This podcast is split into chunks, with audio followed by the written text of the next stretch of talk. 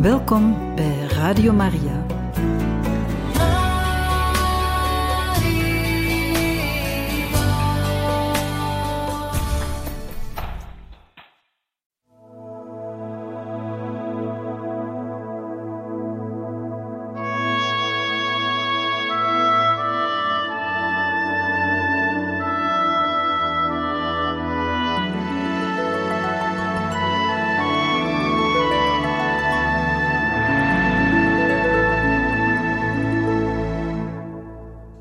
Beste luisteraars van Radio Maria, hartelijk welkom in dit programma Heilige Getuigen, waar wij verder gaan met de lezing van het leven van de dienares Gods Montse Grasses, geschreven door Edith Seltner en uitgegeven bij De Boog. We waren gekomen bij hoofdstuk 3, de roeping, waar we het eerst hebben gehad over de ouders van Montse, meer bepaald haar vader die kennis maakt met het Opus Dei. Manuel Grasses wist niet dat het Opus Dei ook bedoeld was voor gehuwden, een authentieke weg naar heiligheid midden in de wereld. Een onopvallende weg, waarbij de markante details juist die zaken belangrijk zijn die in het leven van alle dag niet het vermelde waard lijken de routine, de alledaagse bezigheden thuis en op het werk. En de mensen die deze weg gaan. Ook zij zijn onopvallend, doorsnee mensen. Intussen is er een groot aantal documentaires over het Opus Dei gemaakt en bestaat er uitvoerige literatuur, ook over de stichter José Maria Escriva en diens spiritualiteit. De meeste leden van het Opus Dei zijn getrouwd. Een klein aantal echter leeft vanuit de genade van dezelfde roeping als ongehuwde. Ze zijn daardoor meer beschikbaar bijvoorbeeld voor het opzetten van nieuwe vestigingen, het daaraan leiding geven, het zorgen voor de vorming en ondersteuning van leden en medewerkers. Sinds het midden van de jaren veertig zijn er ook priesters die leven vanuit dezelfde spiritualiteit. In de documentaires die op video zijn opgenomen, zijn mensen te zien die een nauwere relatie met het Opus Dei hebben. Opvallend is dat het zeer verschillende mensen zijn. Een visser, een huisvrouw, een politicus, een hoge ambtenaar, een buschauffeur, een kunstenares. Je krijgt de indruk dat het om mensen gaat met idealen en met een doel in hun leven. Ze laten merken zowel hun beroep als hun familie en vrienden zeer belangrijk te vinden en zich niet af te sluiten van anderen. Een groot aantal van hen werkt ook nog mee aan maatschappelijke initiatieven of is actief op scholen en probeert het christelijke ideeëngoed ook in een minder katholieke omgeving te verspreiden. Voor hen is de hele maatschappij van belang. Tegelijkertijd werken ze aan verdieping van hun eigen geestelijk leven en aan het uitdragen van de liefde tot Christus. Ze putten daarbij kracht uit het gebed, uit het bewustzijn dat God in alle mensen aanwezig is, uit het ontvangen van de sacramenten.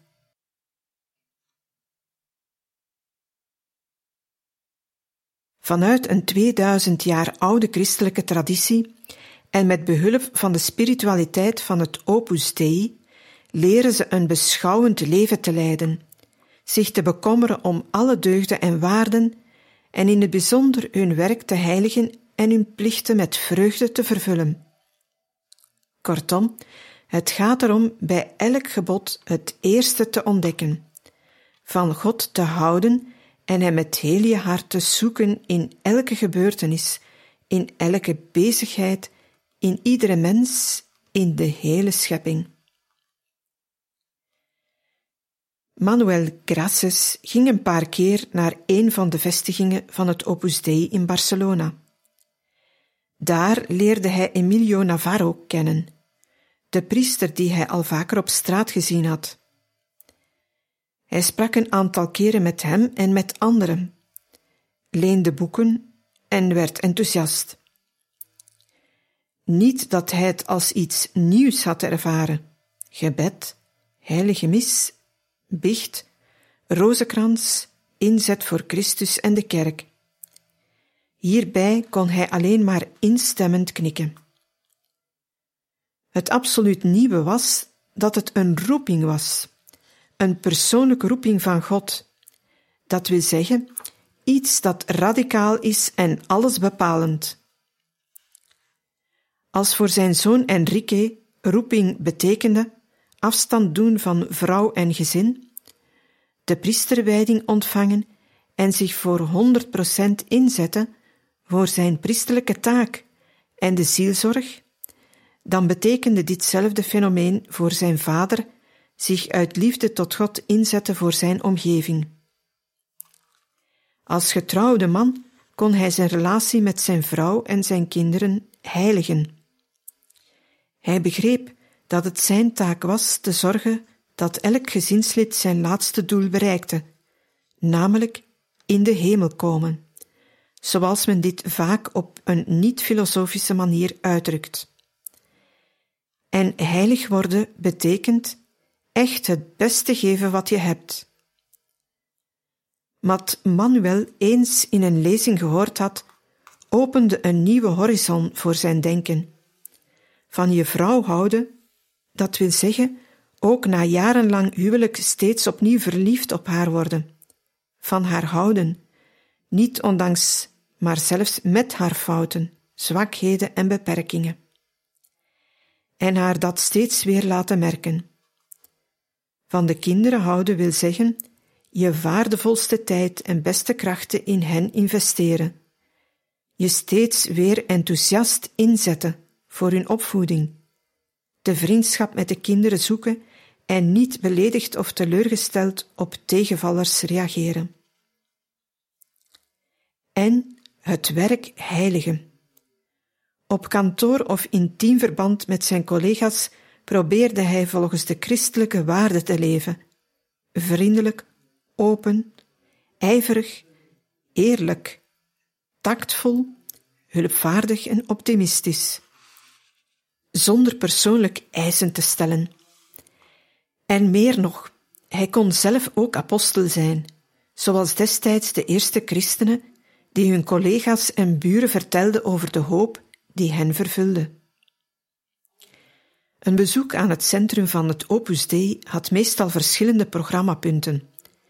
Bij zijn eerste bezoek luisterde Manuel met andere vaders, onder wie leden van het Opus Dei, naar een lezing over aspecten van het christelijk leven.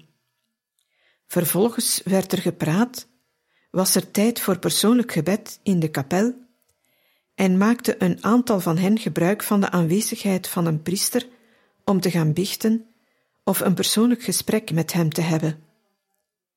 Er werd een afspraak voor de volgende week gemaakt en dan ging de groep uit elkaar.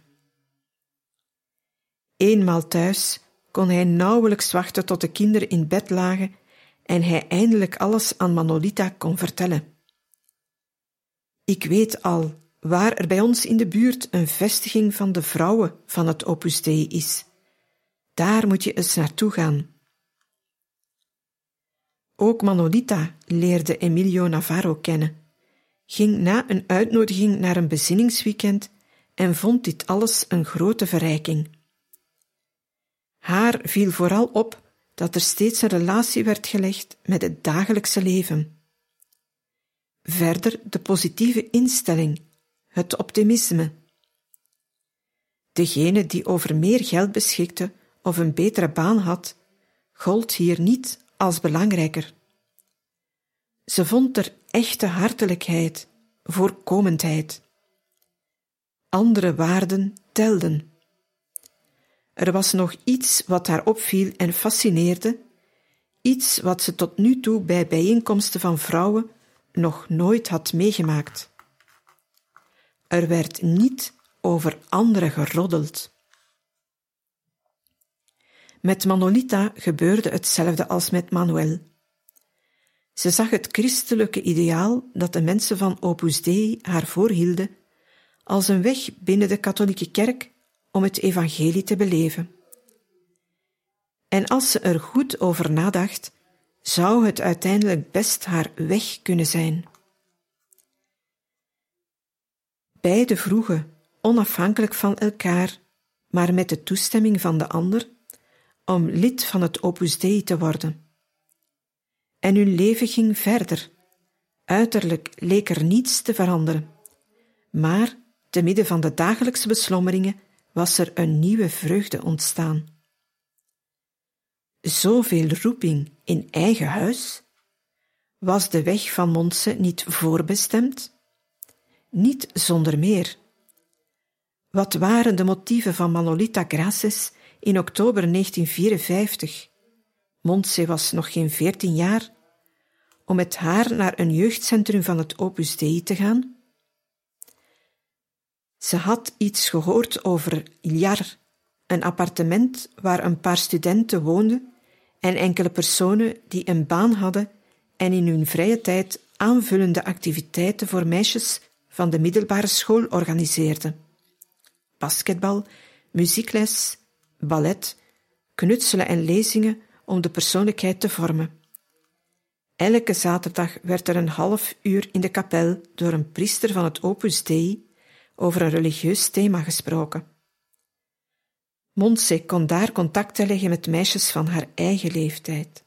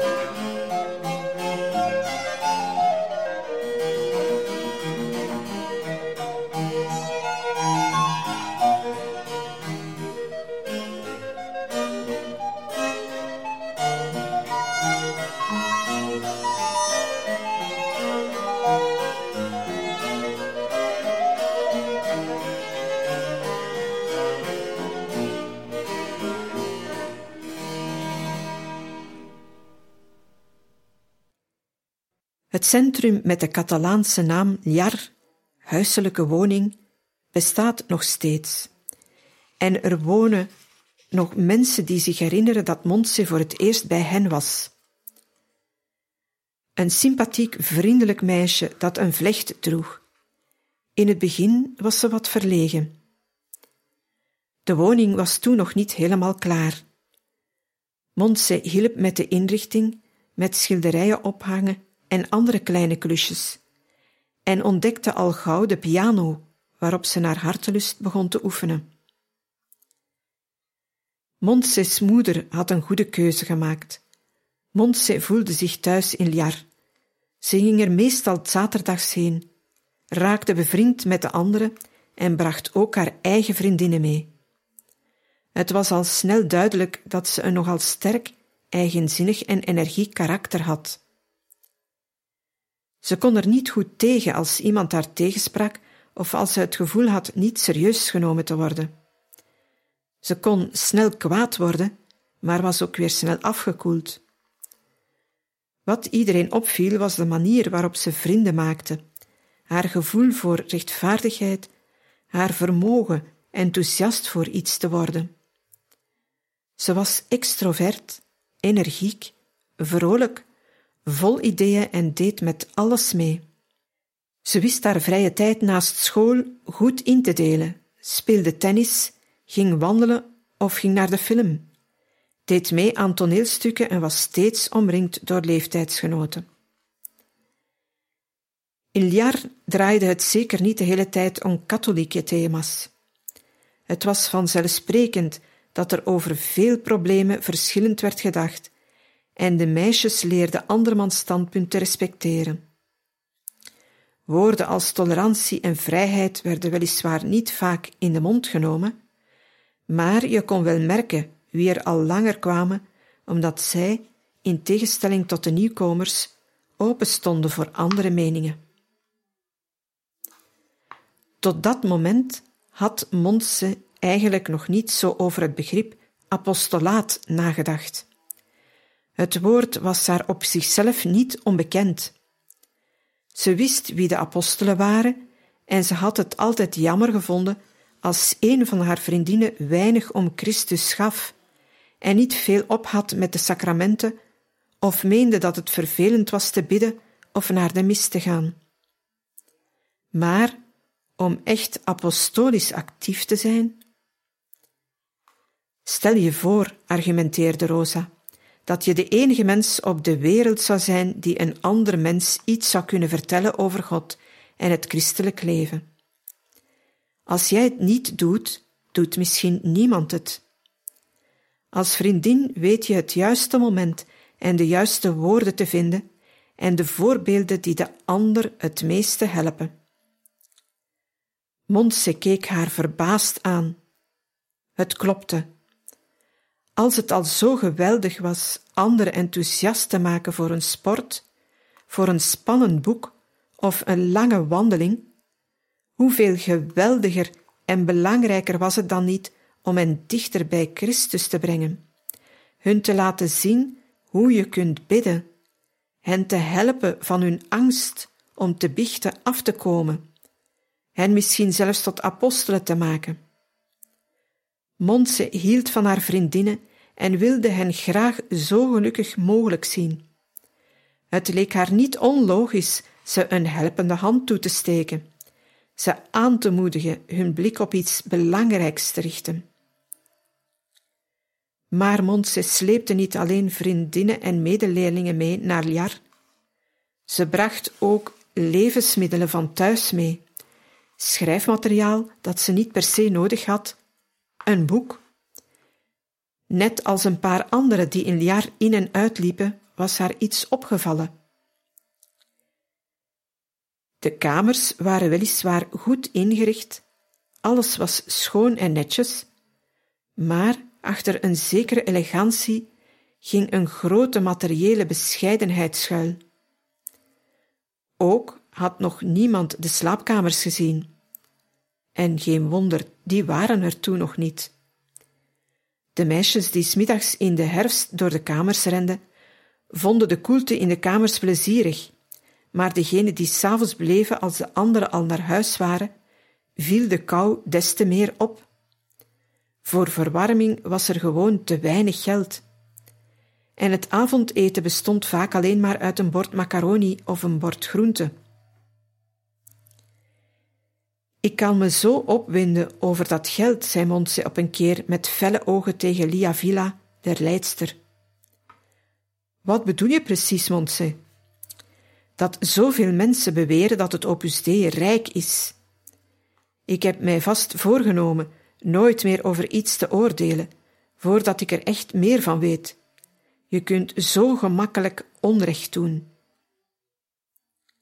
Alles bij elkaar voelde Montse zich thuis in Liar. Ze was haar ouders dankbaar dat ze er zo vaak naartoe mocht. Ze was er praktisch elke dag na school en bleef dan tot het avond werd. Natuurlijk zou ze thuis een handje hebben kunnen helpen, maar aan de andere kant was het duidelijk dat ze in Liar in elk opzicht zinvol bezig was. Ze kon er rustig huiswerk maken, aan sport doen, kreeg kleine taken opgedragen, gaf bijles aan jongeren. Haar moeder viel het soms op hoe ze zich in de omgang met andere kinderen inspande, niet steeds de toon aan te geven, maar ook te luisteren, toe te geven, niet steeds het laatste woord te willen hebben. Ze wordt langzaam volwassen, dacht mevrouw Grasses. Die zomer werd Montse vijftien. Het gezin, dat het nu financieel beter had, kon met vakantie gaan naar zee.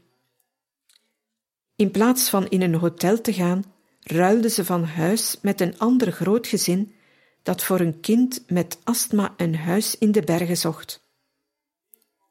De Graces lieten hen in het zomerhuisje bij Barcelona en gingen zelf naar zee.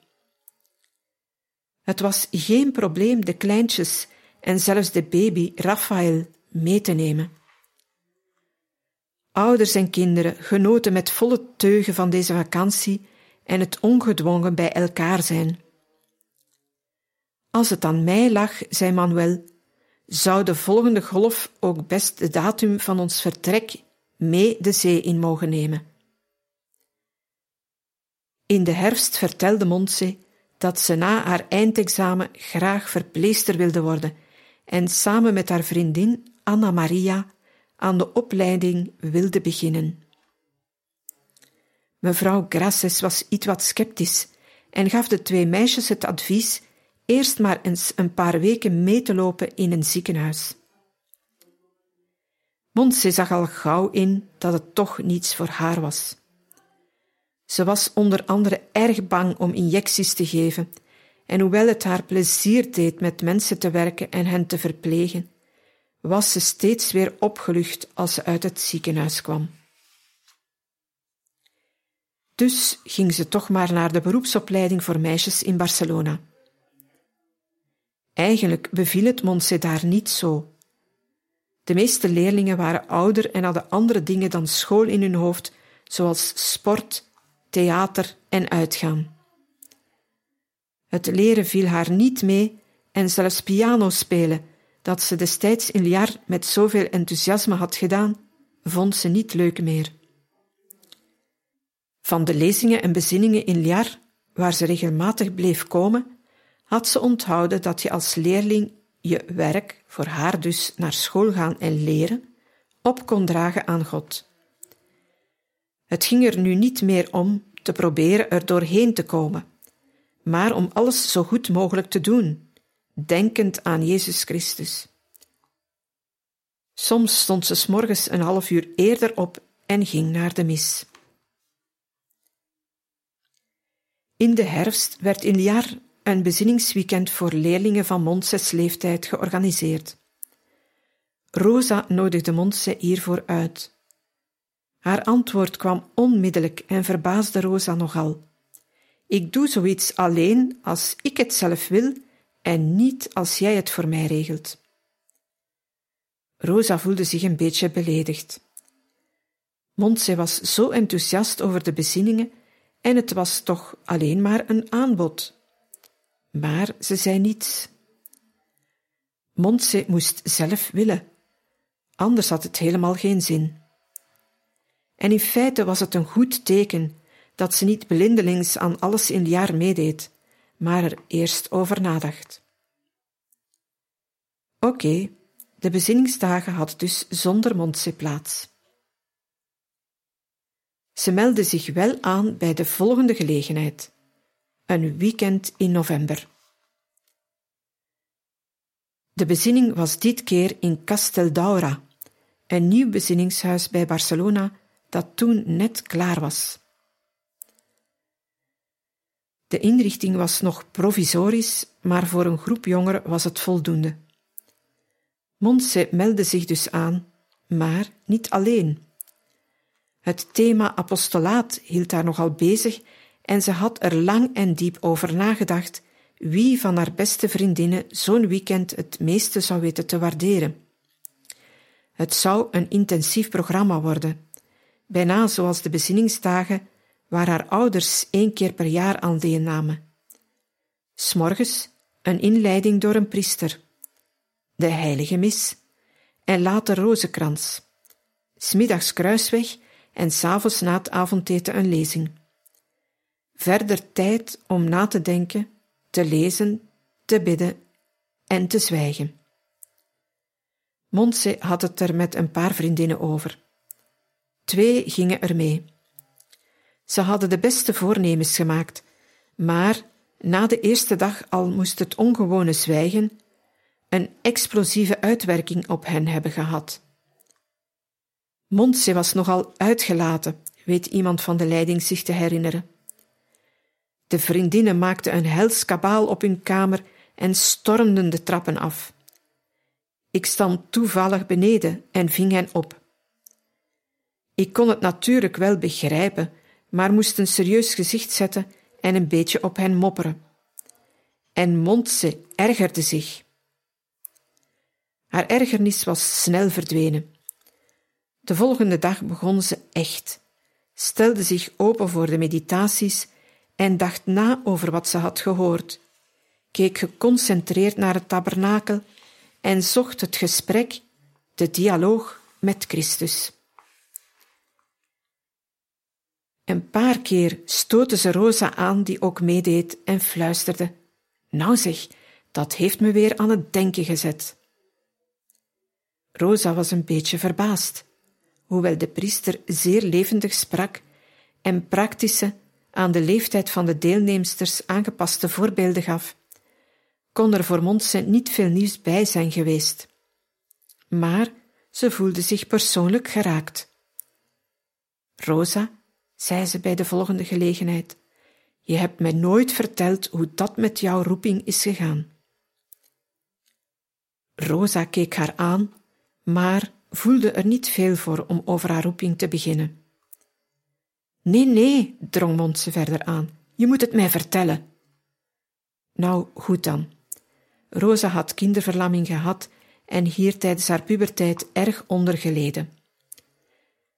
Ze vertelde Montse van haar eerste gesprekken met een priester van het Opus Dei, bij wie ze zich erover beklaagde dat haar leven min of meer verpest was.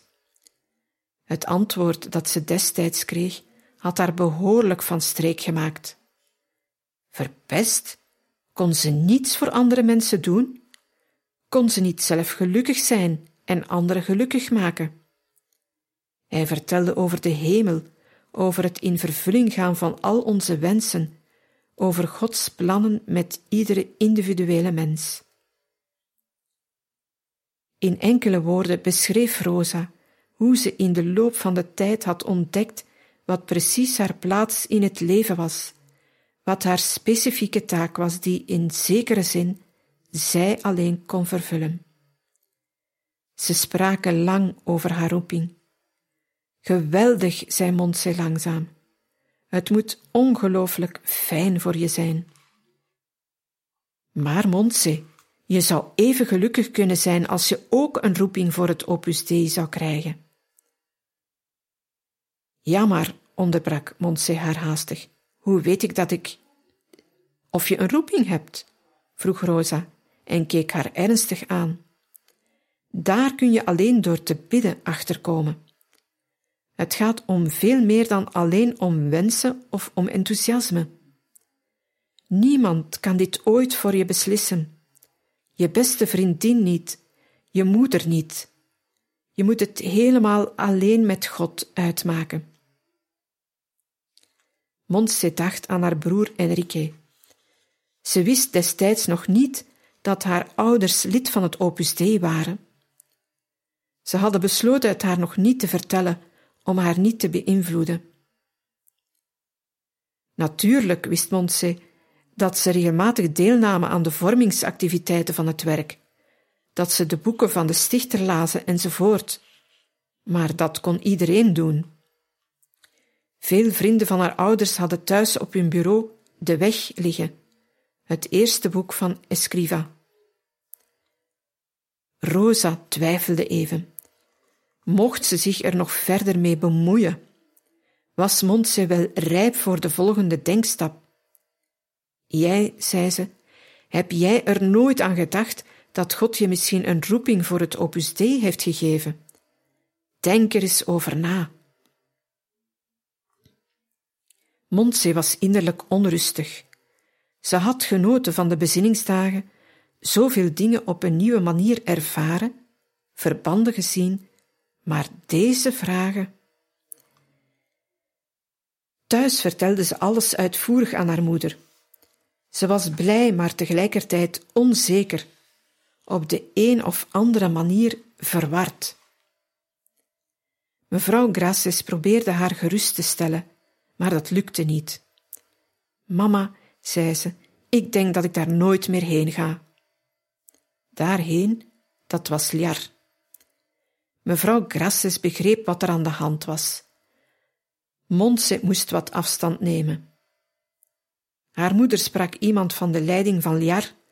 Ze waren het erover eens dat ze Montse met rust moesten laten. Ze moest uit zichzelf terugkomen.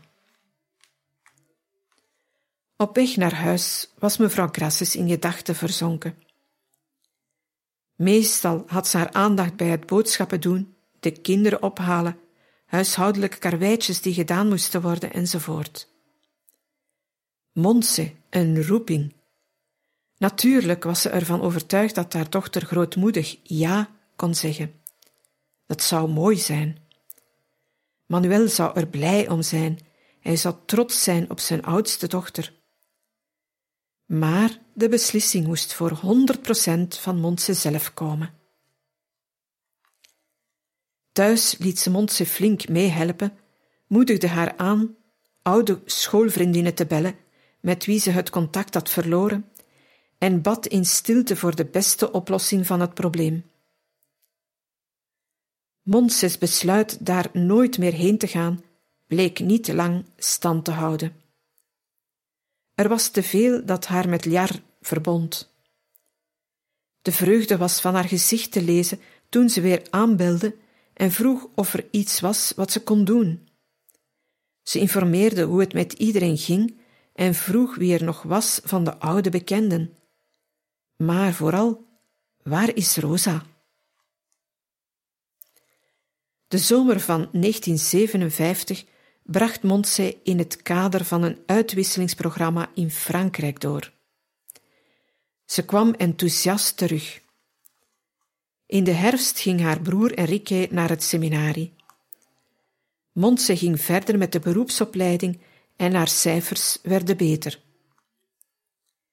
In november vertelde Rosa haar dat ze weer graag naar de bezinningsdagen wilde, maar dat ze alleen kon gaan als een van haar vriendinnen met haar meeging en tot nu toe had ze niemand gevonden die dat wilde doen. Waarom ga je niet alleen? vroeg Montse. Er zijn toch meer deelnemers? Rosa aarzelde. Ze vond het vervelend om een speciale behandeling te vragen. Bij het trappenlopen, aankleden, een kleine wandeling. Voor veel dingen was ze op hulp aangewezen en had ze iemand nodig op wie ze absoluut kon vertrouwen als het nodig was. Binnen een paar seconden had Montse haar beslissing genomen. Ik ga mee, was haar antwoord. Haar grootmoedigheid had niets theatraals en het was ook geen overdreven vorm van medelijden. Nou, ik doe dat graag voor jou. Er kwam echter iets tussen en Rosa kon niet mee. Monse had zich echter al aangemeld en breef bij die beslissing. Deze keer ging Anna Maria mee, haar beste vriendin. Natuurlijk herinner ik mij die twee, zei iemand van de leiding later. Ze vonden alles heel grappig en lachten en gichelden, maar ik heb er geen aandacht aan geschonken. Pas vlak voor ze naar huis gingen, werd de reden voor het mysterieuze lachen bekend. Montse had het idee gehad om op de eerste avond alle bedden uit te proberen om voor zichzelf en Anna Maria het zachtste en gezelligste uit te zoeken. Het negende of tiende bed dat ze als trampoline gebruikte, zakte in elkaar en Anna Maria moest een gierende mondzet tussen de dekbedden, kussens en planken uit zien te trekken. Ze maakte de zijkanten met touwen vast en hoopte de hele tijd dat niemand zou merken wat ze gedaan hadden. Ondanks deze vrolijke noot deed Montse moeite om zich te concentreren op haar gesprek met God. Ze las veel en voelde dat er diep in haar iets gebeurde. Moest ze daar verder op ingaan?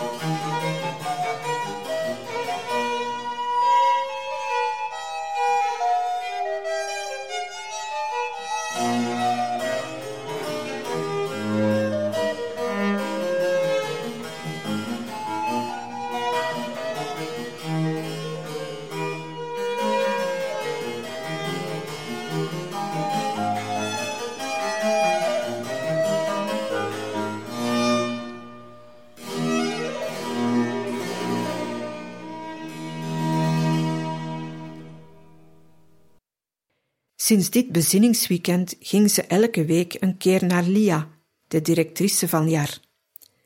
Ze vertelde over haar gebedsleven, over wat haar in het boek dat ze aan het lezen was het meest had aangesproken en wat ze over dit alles zelf dacht. Als het echt God was die in haar sprak, waarom kon hij dan niet een beetje harder en duidelijker zeggen wat hij wilde?